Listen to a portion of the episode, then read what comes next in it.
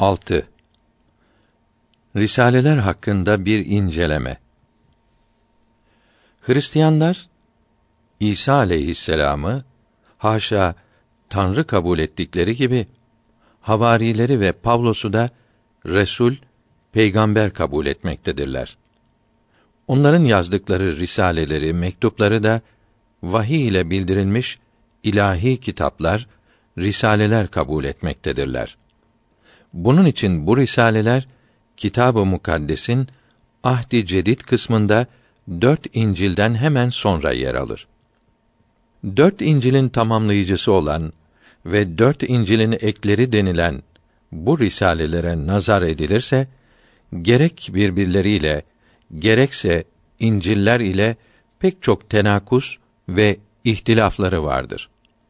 Bunlar tek tek anlatılacak olsa Kitab-ı Mukaddes'in tamamından daha büyük ciltler yazılması icap ederdi. Bunlara bazı misaller verelim.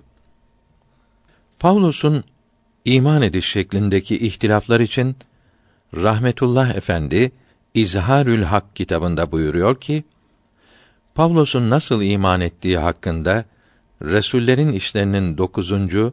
22. ve 23. bablarında pek çok ihtilaflar vardır. Ben bunları İzaletü Şukuk isimli kitabımda on veç üzere beyan ettim.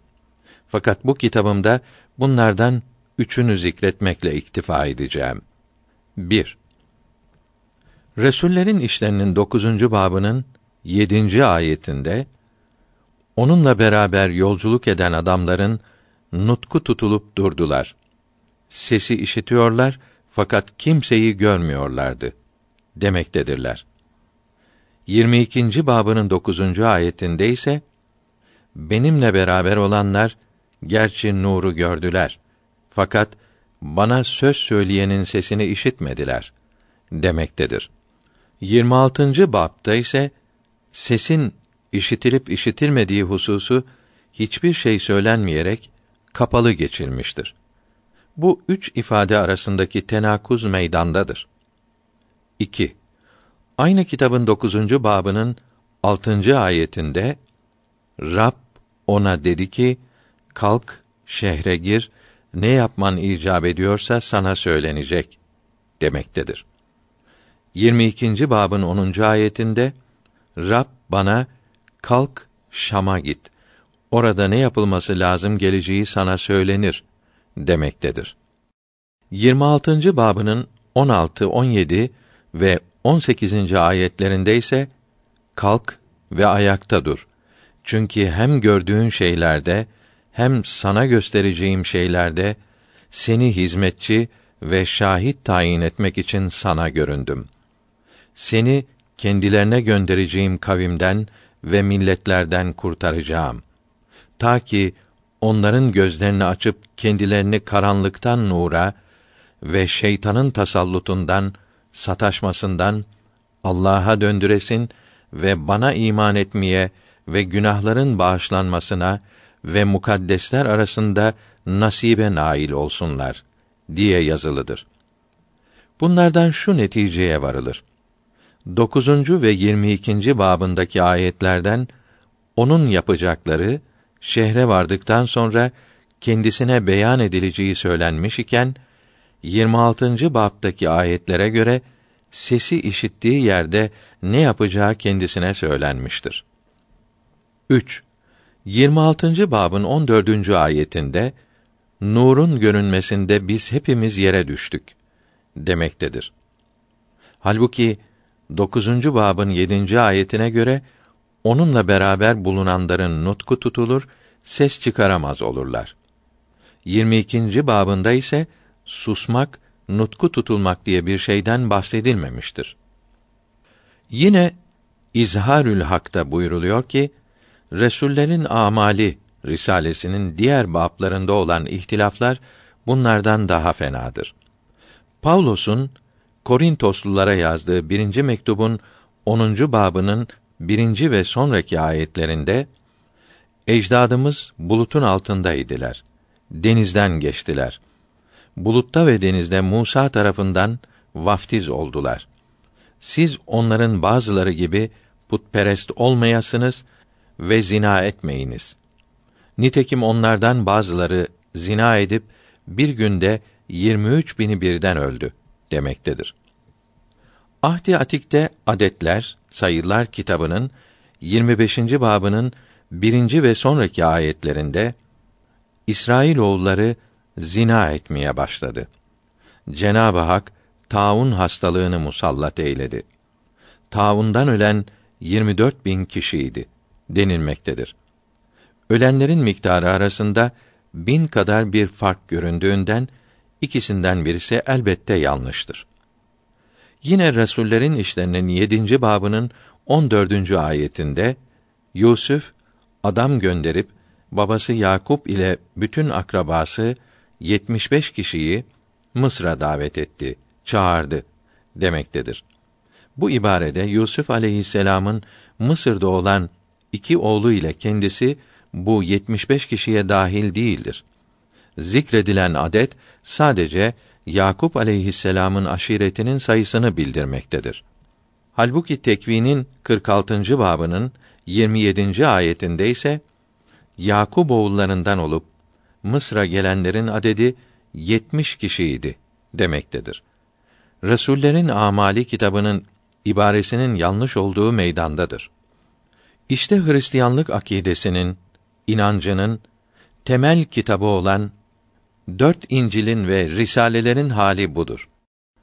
Yukarıda zikrettiğimiz gibi gerek bu İncil'lerde gerekse Ahdi Atik'te ve Ahdi Cedid'de bulunan ihtilaflar yalnız bunlardan ibaret değildir. Bunlardaki ihtilafların her biri anlatılsa ciltler tutacağından ve bunların bir kısmı İzharül Hak ve Şemsül Hakika kitaplarında bildirilmiş olduğundan burada daha fazla bilgi vermedik. Bu hususta daha fazla bilgi almak isteyenlere Protestan ilim adamlarından Cizler'in 1233 miladi 1818 senesinde tab edilen Tahrirati Enacil isimli kitabına ve Selir Macir'in 1817 senesinde tab edilen Mukaddeme-i Kitab-ı Ahdi Cedid adlı eserine Sıfir'in 1832 senesinde tab edilen Birinci İncil'in aslı ismindeki kitabına ve muasırlarından Yor adlı müsteşrikin İnciller üzerine Muahezat ismindeki kitabına ve Şuazer adlı müsteşrikin 1841 senesinde neşredilen Yuhanna İncili üzerine inceleme adlı eserine ve muasırlarından Gustav İhtel'in İsa aleyhisselam'ın hallerine dair yazdığı kitaba Vestaurus ve diğer birçok tarihçilerin yazdığı eserlere müracaat etmelerini tavsiye ederiz. Müslümanların kendisine sarıldıkları, kendisine uymaları sebebiyle dünya ve ahiret saadetine kavuştukları Kur'an-ı Kerim ise Allahü Teala'nın Kur'an-ı Kerim'i biz indirdik ve yine onu biz hıfzedeceğiz şeklindeki Hicr suresinin 9. ayetinin manayı şerifi mucibince Hicret-i Nebeviyeden zamanımıza kadar yani 1293 senedir bugün için 1423 senedir çeşitli milletlere mensup Müslümanların ellerinde bulunduğu halde bir noktası dahi fazla veya eksik olmayarak Allahü Teala'nın ilahi hıfsı ile mahfuz olduğu herkes tarafından tasdik edilmiştir. Hal böyleyken beş on altın ücret, maaş ile vazifeli olarak İslam memleketlerine gelip iç yüzünü yukarıda izah ettiğimiz Hristiyanlık ile sağlam temeller üzerine oturtularak zamanımıza kadar aynı doğruluk ve sağlamlığı ile bizlere ulaşan İslamiyeti mukayese ederek doğruluktan hak din olmaktan nasip almak hülyasına düşmüş olan birkaç papazın iddialarına hayret etmekten başka ne denilebilir? Bunların teşebbüsleri dedikleri gibi hakkı, doğruyu ortaya koymak olsaydı İslam kitaplarını layıkıyla mütalaa etmediklerinden bir noktaya kadar mazur görülebilirlerdi. Fakat işin aslı böyle olmayıp çeşitli safsatalar ve hileler ile cahilleri aldatmak ve İslamiyetten ayırmaktır. İslam alimlerinin yazdıkları kitaplara ve kendilerine sordukları suallere cevap veremeyip sanki o kitapları görmemiş gibi evvelki cehalet ve inatları ile münasebetsiz bir şekilde İslamiyete saldırmaktadırlar. Yalan ve iftiralarla dolu gizli gizli risaleler, kitaplar telif etmekte ve el altından neşretmektedirler.